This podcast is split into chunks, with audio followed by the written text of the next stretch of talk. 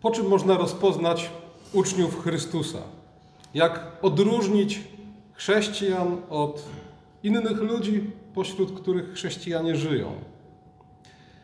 Anonimowy autor listu do Diogeneta, krótkiego apologetycznego dzieła z II wieku, pisze tak. Chrześcijanie nie różnią się od innych ludzi ani miejscem zamieszkania, ani językiem, ani strojem. Nie mają bowiem własnych miast, nie posługują się jakimś niezwykłym dialektem, ich sposób życia nie odznacza się niczym szczególnym. Mieszkają w miastach heleńskich i barbarzyńskich, jak komu wypadło, stosując się do miejscowych zwyczajów w ubraniu, jedzeniu, sposobie życia. Krótko mówiąc, przynajmniej w II wieku po Chrystusie, chrześcijanie nie byli żadnymi dziwakami. Nie tworzyli żadnej subkultury i nie wyróżniali się niczym na pierwszy rzut oka. A zatem, jak rozpoznać uczniów Chrystusa w tłumie podobnych do siebie ludzi? Po czym ich rozpoznać? Co jest znamieniem chrześcijanina i znamieniem chrześcijańskiej wspólnoty? Kiedy w dziejach apostolskich w drugim rozdziale czytamy opis pierwszej wspólnoty chrześcijańskiej, widzimy, że na postronnych obserwatorach największe wrażenie robiły znaki i cuda. Czytamy, że dusze wszystkich ogarnięte były bojaźnią, albowiem za sprawą apostołów działo się wiele cudów i znaków. Ale w liście do Diogeneta, który opisuje sytuację Kościoła 100 lat później, nie ma już ani słowa o cudach i znakach. Zresztą im dalej chronologicznie, tym mniej pojawia się znaków i cudów w świadectwach Nowego Testamentu. A zatem nie po znakach i cudach rozpoznajemy uczniów Chrystusa. W tym samym drugim rozdziale dziejów apostolskich, w 42 wersecie czytamy: Trwali w nauce apostolskiej i we wspólnocie, w łamaniu chleba i w modlitwach. Być może o to chodzi. Być może to jest to znamie, to są te znamiona chrześcijańskiej wspólnoty. Być może chrześcijan rozpoznawano po tym, że każdy z nich był częścią wspólnoty, w której wykładano apostolską naukę, praktykowano modlitwę i łamanie chleba. Wygląda na to, że tak. Na przestrzeni całej historii Kościoła to właśnie słowo i sakramenty były traktowane jako znamiona Kościoła. I kiedy, kiedy reformatorzy na pytanie, gdzie jest prawdziwy Kościół, odpowiadają tam, gdzie jest we właściwy sposób zwiastowane słowo i sprawowane sakramenty, tak naprawdę mają na myśli dokładnie to, o co chodzi w drugim rozdziale, 42 wersecie dziejów apostolskich. Trwali we wspólnocie, w nauce apostolskiej, w łamaniu chleba i w modlitwie. Słowo i sakramenty. Tak naprawdę dokładnie o to samo chodzi, bo słowo i sakramenty sprawowane są we wspólnocie. I nie ma sakramentów bez modlitwy. Zresztą, kiedy uczniowie w drodze do Emaus spotykają zmartwychwstałego Chrystusa i na początku nie wiedzą, z kim mają do czynienia, rozpoznali go, jak czytamy w Ewangelii Łukasza w 24 rozdziale 35 wersecie, po łamaniu chleba. A zatem uczniowie Chrystusa to zwyczajni ludzie, którzy na pierwszy rzut oka niczym się od swoich sąsiadów nie odróżniają, oprócz tego, że trwają w nauce apostolskiej, we wspólnocie, w łamaniu chleba i w modlitwach. Słowo i sakrament sprawowane we wspólnocie to jest to, co odróżnia chrześcijanina i chrześcijańską wspólnotę od otoczenia, w którym żyje. Ta modlitwa może oczywiście mieć różną postać i na różny sposób się przejawiać. Pewien francuski biskup o współczesnych mu francuskich ewangelikach żyjących na przełomie XVI i XVII wieku pisał: Ci, których odstępstwo od Kościoła opłakujemy, sporządzili tłumaczenie psalmów i nim się posługują. Słynie ono dzięki wdzięcznym melodiom, jakie uczeni muzycy im przydali. Śpiewanie ich z pamięci stało się jak gdyby znamieniem ich wspólnoty. I ku naszemu wielkiemu wstydowi, w miastach, gdzie mieszkają w większej liczbie, słyszy się śpiew w ustach rzemieślników, a po wsiach w ustach rolników, gdy tymczasem katolicy albo są niemi, albo śpiewają nieprzystojne pieśni. A więc w tym konkretnym przypadku widzimy, że ewangelików rozpoznawano po modlitwie słowami psalmów. Ona stała się znamieniem ich wspólnoty. A zatem uczniów Chrystusa poznajemy po tym, że trwają w nauce apostolskiej, a więc wyznają wiarę, jaką odnajdujemy w Piśmie Świętym, chodzą do kościoła, modlą się, śpiewają psalmy i uczestniczą w wieczerzy pańskiej. To są znamiona kościoła i po tym ludzie winni nas rozpoznawać. Ale przed chwilą słyszeliśmy fragment słowa Jezusa, które wypowiedział do swoich uczniów w czasie ostatniej wieczerzy, w Wielki Czwartek. Ewangelii Jana w 13 rozdziale, 34 i 35 wersecie czytamy: Nowe przykazanie daję wam, abyście się wzajemnie miłowali, jak ja was umiłowałem, abyście się i wy wzajemnie miłowali. Po tym wszyscy poznają, żeście uczniami moimi, jeśli miłość wzajemną mieć będziecie. A więc Jezus twierdzi, że tym znamieniem naszej wspólnoty, tym znakiem rozpoznawczym uczniów Chrystusa powinna być wzajemna miłość. Pytanie: co tak naprawdę jest znamieniem Kościoła? Słowo i sakramenty, jak mówili reformatorzy, czy wzajemna miłość, jak mówi Jezus? Niektórzy ze słów Jezusa wyciągają prosty wniosek. Potrzebujemy miłości, a nie doktryny i ceremonii. All you need is love, jak śpiewali Beatlesi.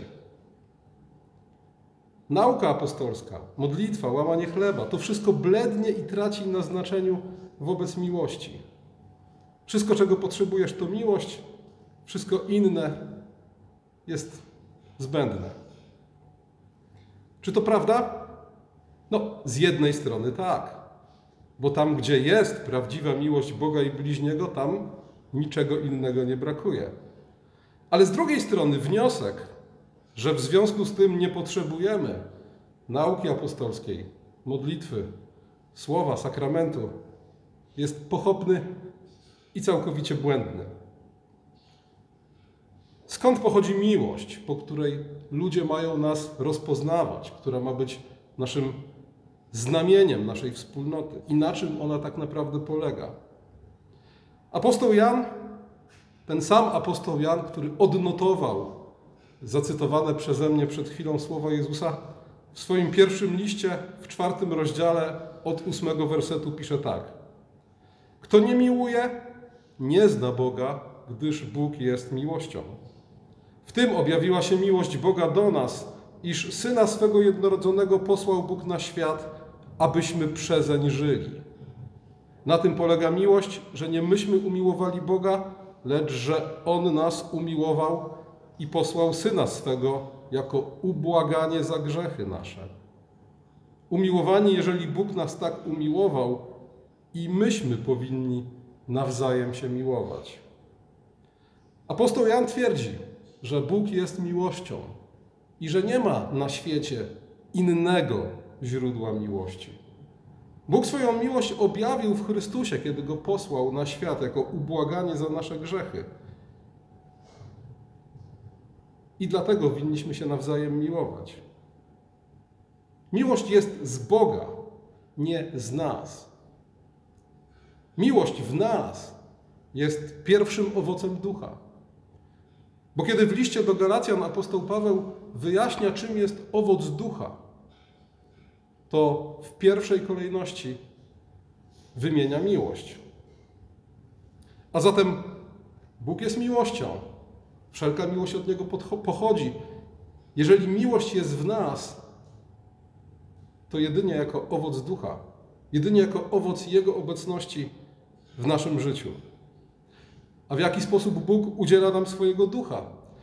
Wiemy o tym, że zesłał go w dniu pięćdziesiątnicy na Kościół i że Jego duch w Kościele przebywa i że Jego duch poprzez słowo i sakramenty, poprzez trwanie we wspólnocie, w modlitwie, w łamaniu chleba, w nauce apostolskiej jest udzielany każdemu z nas. Napełniamy się nim, jak apostoł Paweł mówi w liście do Efezjan i w liście do Kolosan, wtedy, kiedy zgromadzeni jako lud Boży śpiewamy psalmy, hymny i pieśni pełne ducha.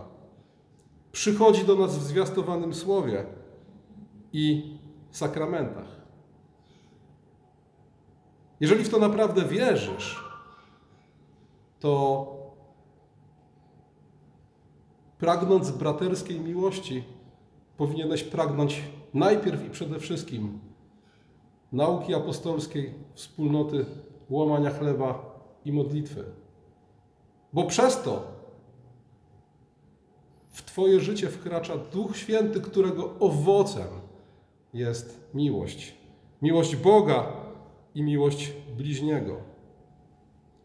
To we wspólnocie, w której zwiastowana jest apostolska nauka, w której modlimy się i łamiemy chleb, tam tę miłość, tej miłości braterskiej doświadczamy, kiedy inni nam ją okazują, praktykujemy, kiedy okazujemy ją innym i poddajemy próbie w tych momentach, kiedy z różnych powodów jest nam ciężko kochać naszych braci.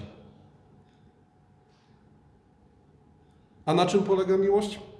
Ten sam apostoł Jan w pierwszym liście, w piątym rozdziale mówi: Po tym poznajemy, że dzieci Boże miłujemy, jeżeli Boga miłujemy i przykazania Jego spełniamy.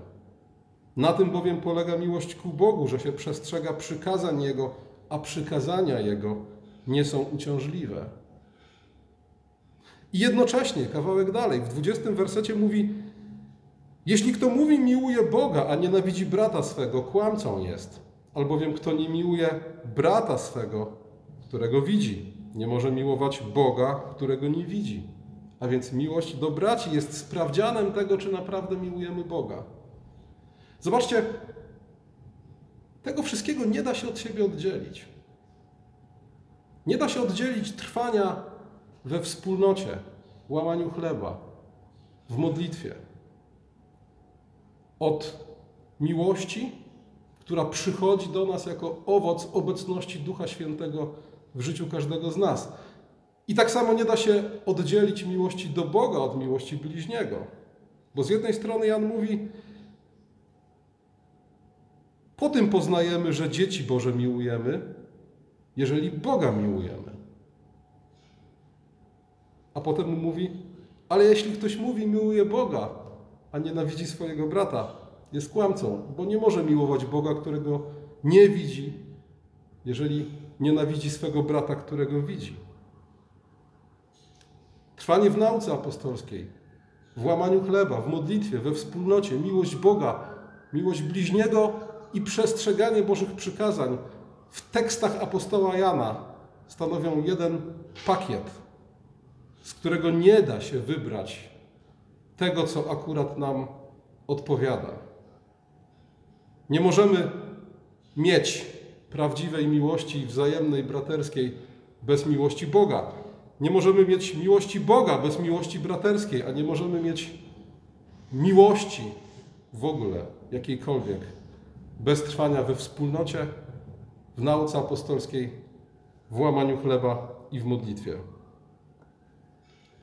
Nie sposób oddzielić miłości braterskiej, która ma być znamieniem Kościoła, od tego, co jest jej źródłem, a więc od Ducha Świętego, który udziela nam nadprzyrodzonego życia boskiej Trójcy w Słowie i w sakramencie. Zresztą tego samego dnia, w Wielki Czwartek, tego samego dnia, kiedy Jezus mówi: Miłujcie się wzajemnie, po tym wszyscy poznacie, że jesteście moimi uczniami Tego samego dnia Jezus modli się za swoich uczniów do Ojca słowami: Poświęć ich w prawdzie. Słowo Twoje jest prawdą. Ewangelia Jana, 17 rozdział, 17 werset. I kilka wersetów dalej modli się o swoich uczniów, aby byli doskonali w jedności, żeby świat poznał, że Ty mnie posłałeś i że ich umiłowałeś i że mnie umiłowałeś. I wreszcie tego samego dnia Jezus łamie chleb i mówi: To czyńcie na moją pamiątkę. Tego samego dnia Jezus mówi: Miłujcie się i niech to będzie waszym znakiem rozpoznawczym. Tego samego dnia mówi: To czyńcie na moją pamiątkę. I tego samego dnia modli się, aby Bóg jego uczniów poświęcił w słowie, które jest prawdą, i zachował w jedności. A więc znowu widzimy, że trwanie we wspólnocie, w łamaniu chleba, w modlitwie, w nauce apostolskiej, miłość Boga i miłość bliźniego to jest jeden pakiet.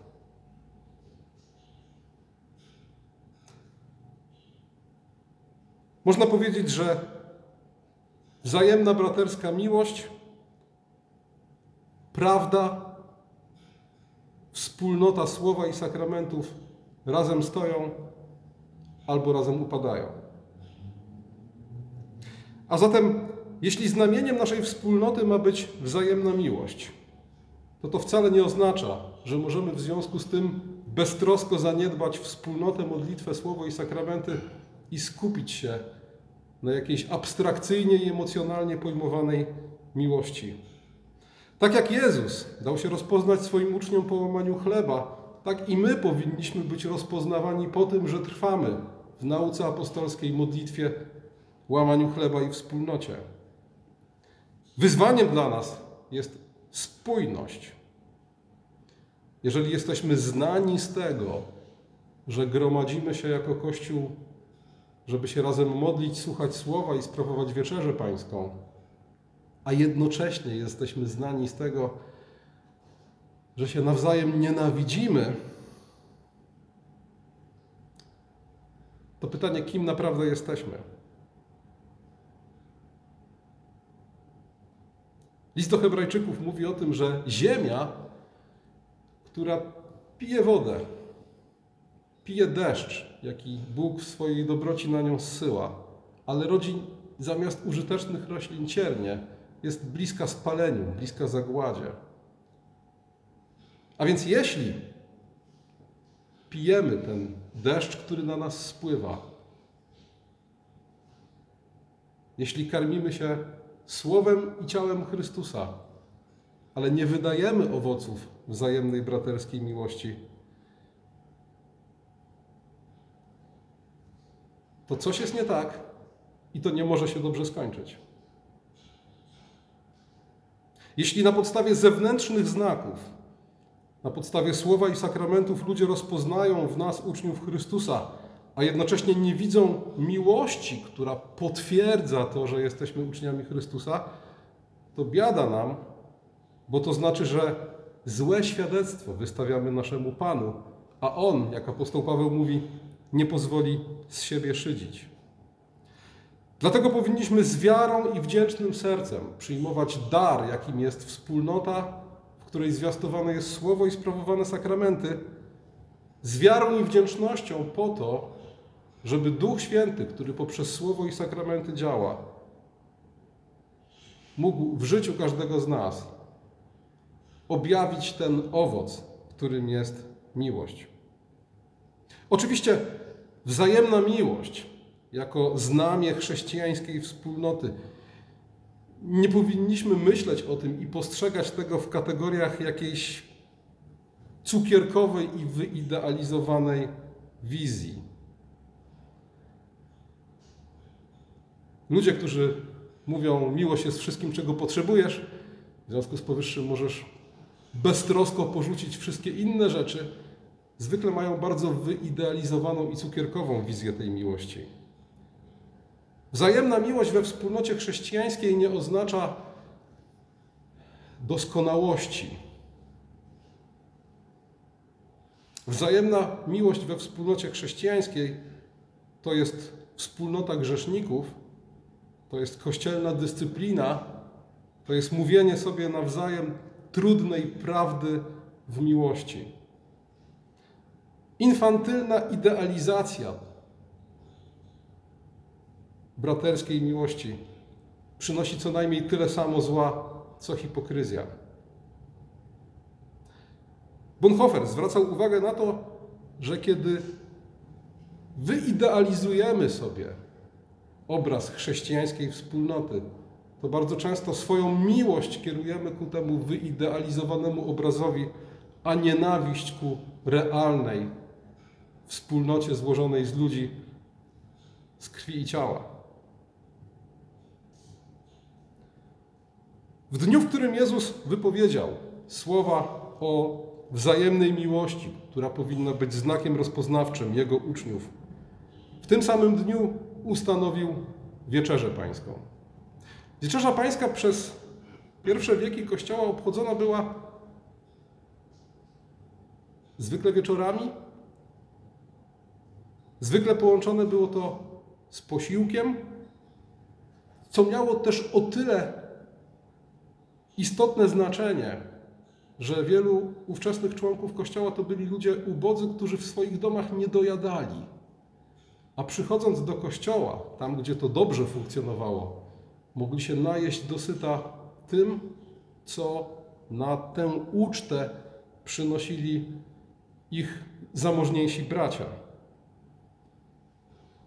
I tutaj stół pański był nie tylko tym miejscem, gdzie Chrystus karmi swój lud, ale był jednocześnie miejscem, gdzie bracia mogą służyć sobie nawzajem i karmić siebie nawzajem.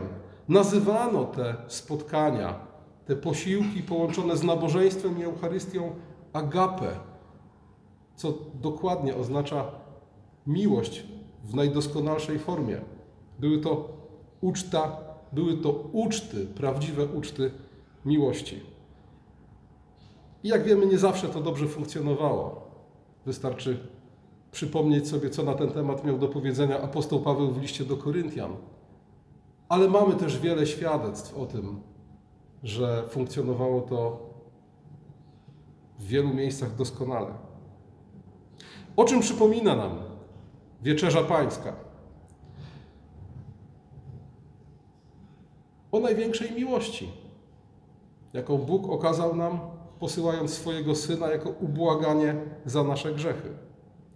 O tym, że ta miłość pojednała nas z Bogiem i z ludźmi, nas, którzy byliśmy zgubionymi grzesznikami o tym, że do naśladowania tej miłości jesteśmy wszyscy powołani, tak aby nas po tej wzajemnej miłości rozpoznawano. Ale Wieczerza Pańska, której pamiątkę dzisiaj obchodzimy, pamiątkę jej ustanowienia, nie tylko przypomina nam, jest nie tylko znakiem i pamiątką. W liturgii świętego Jana Chryzostoma znajdują się takie słowa: Zbliżamy się do niebiańskich i budzących bojaźń tajemnic tej świętej i duchowej uczty. I jest w tych słowach prawda, bo Chrystus przy tym stole nie tylko przypomina nam o ważnych rzeczach, ale prawdziwie karmi nas swoim ciałem. Ten chleb jest prawdziwą manną, której tamta manna spożywana na pustyni była jedynie zapowiedzią. Tamta, mian, tamta manna, jak czytamy w drugiej księdze Mojżeszowej w 16 rozdziale, 31 wersecie, miała smak placka z miodem, a zatem była przedsmakiem ziemi obiecanej, którą Słowo Boże nazywa krainą mlekiem i miodem płynącą. A więc manna na pustyni smakowała obietnicą i przyszłością. I kiedy Jezus mówi, Zaprawdę powiadam wam, nie Mojżesz dał wam chleb z nieba, ale dopiero Ojciec mój daje wam prawdziwy chleb z nieba. Kto spożywa ten chleb, będzie żył na wieki. Miał Chrystus na myśli to, co dokonuje się we wspólnocie Kościoła.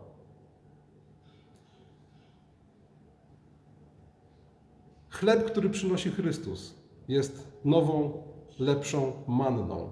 I dlatego Chrystus mówi: Jeżeli nie będziecie spożywali ciała syna człowieczego, nie będziecie pili jego krwi, nie będziecie mieli jego życia w sobie. Kto spożywa ciało moje i pije krew moją, ma życie wieczne, a ja go wskrzeszę w dniu ostatecznym. Ciało moje jest prawdziwym pokarmem, a krew moja jest prawdziwym napojem. To jest chleb, który z nieba stąpił.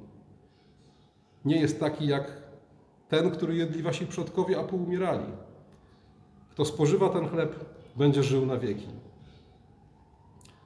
O ten chleb modlimy się każdego dnia słowami modlitwy pańskiej. Greckie słowo przetłumaczone zwykle w modlitwie pańskiej jako powszedni, chleba naszego powszedniego daj nam dzisiaj, jest stworzonym przez ewangelistów cudownym w swojej wieloznaczności neologizmem, który może znaczyć jednocześnie chleb na dziś, chleb potrzebny do życia, ale też chleb przyszłego wieku, a nawet chleb nadprzyrodzony, jak tłumaczy te słowa Hieronim w Wulgacie.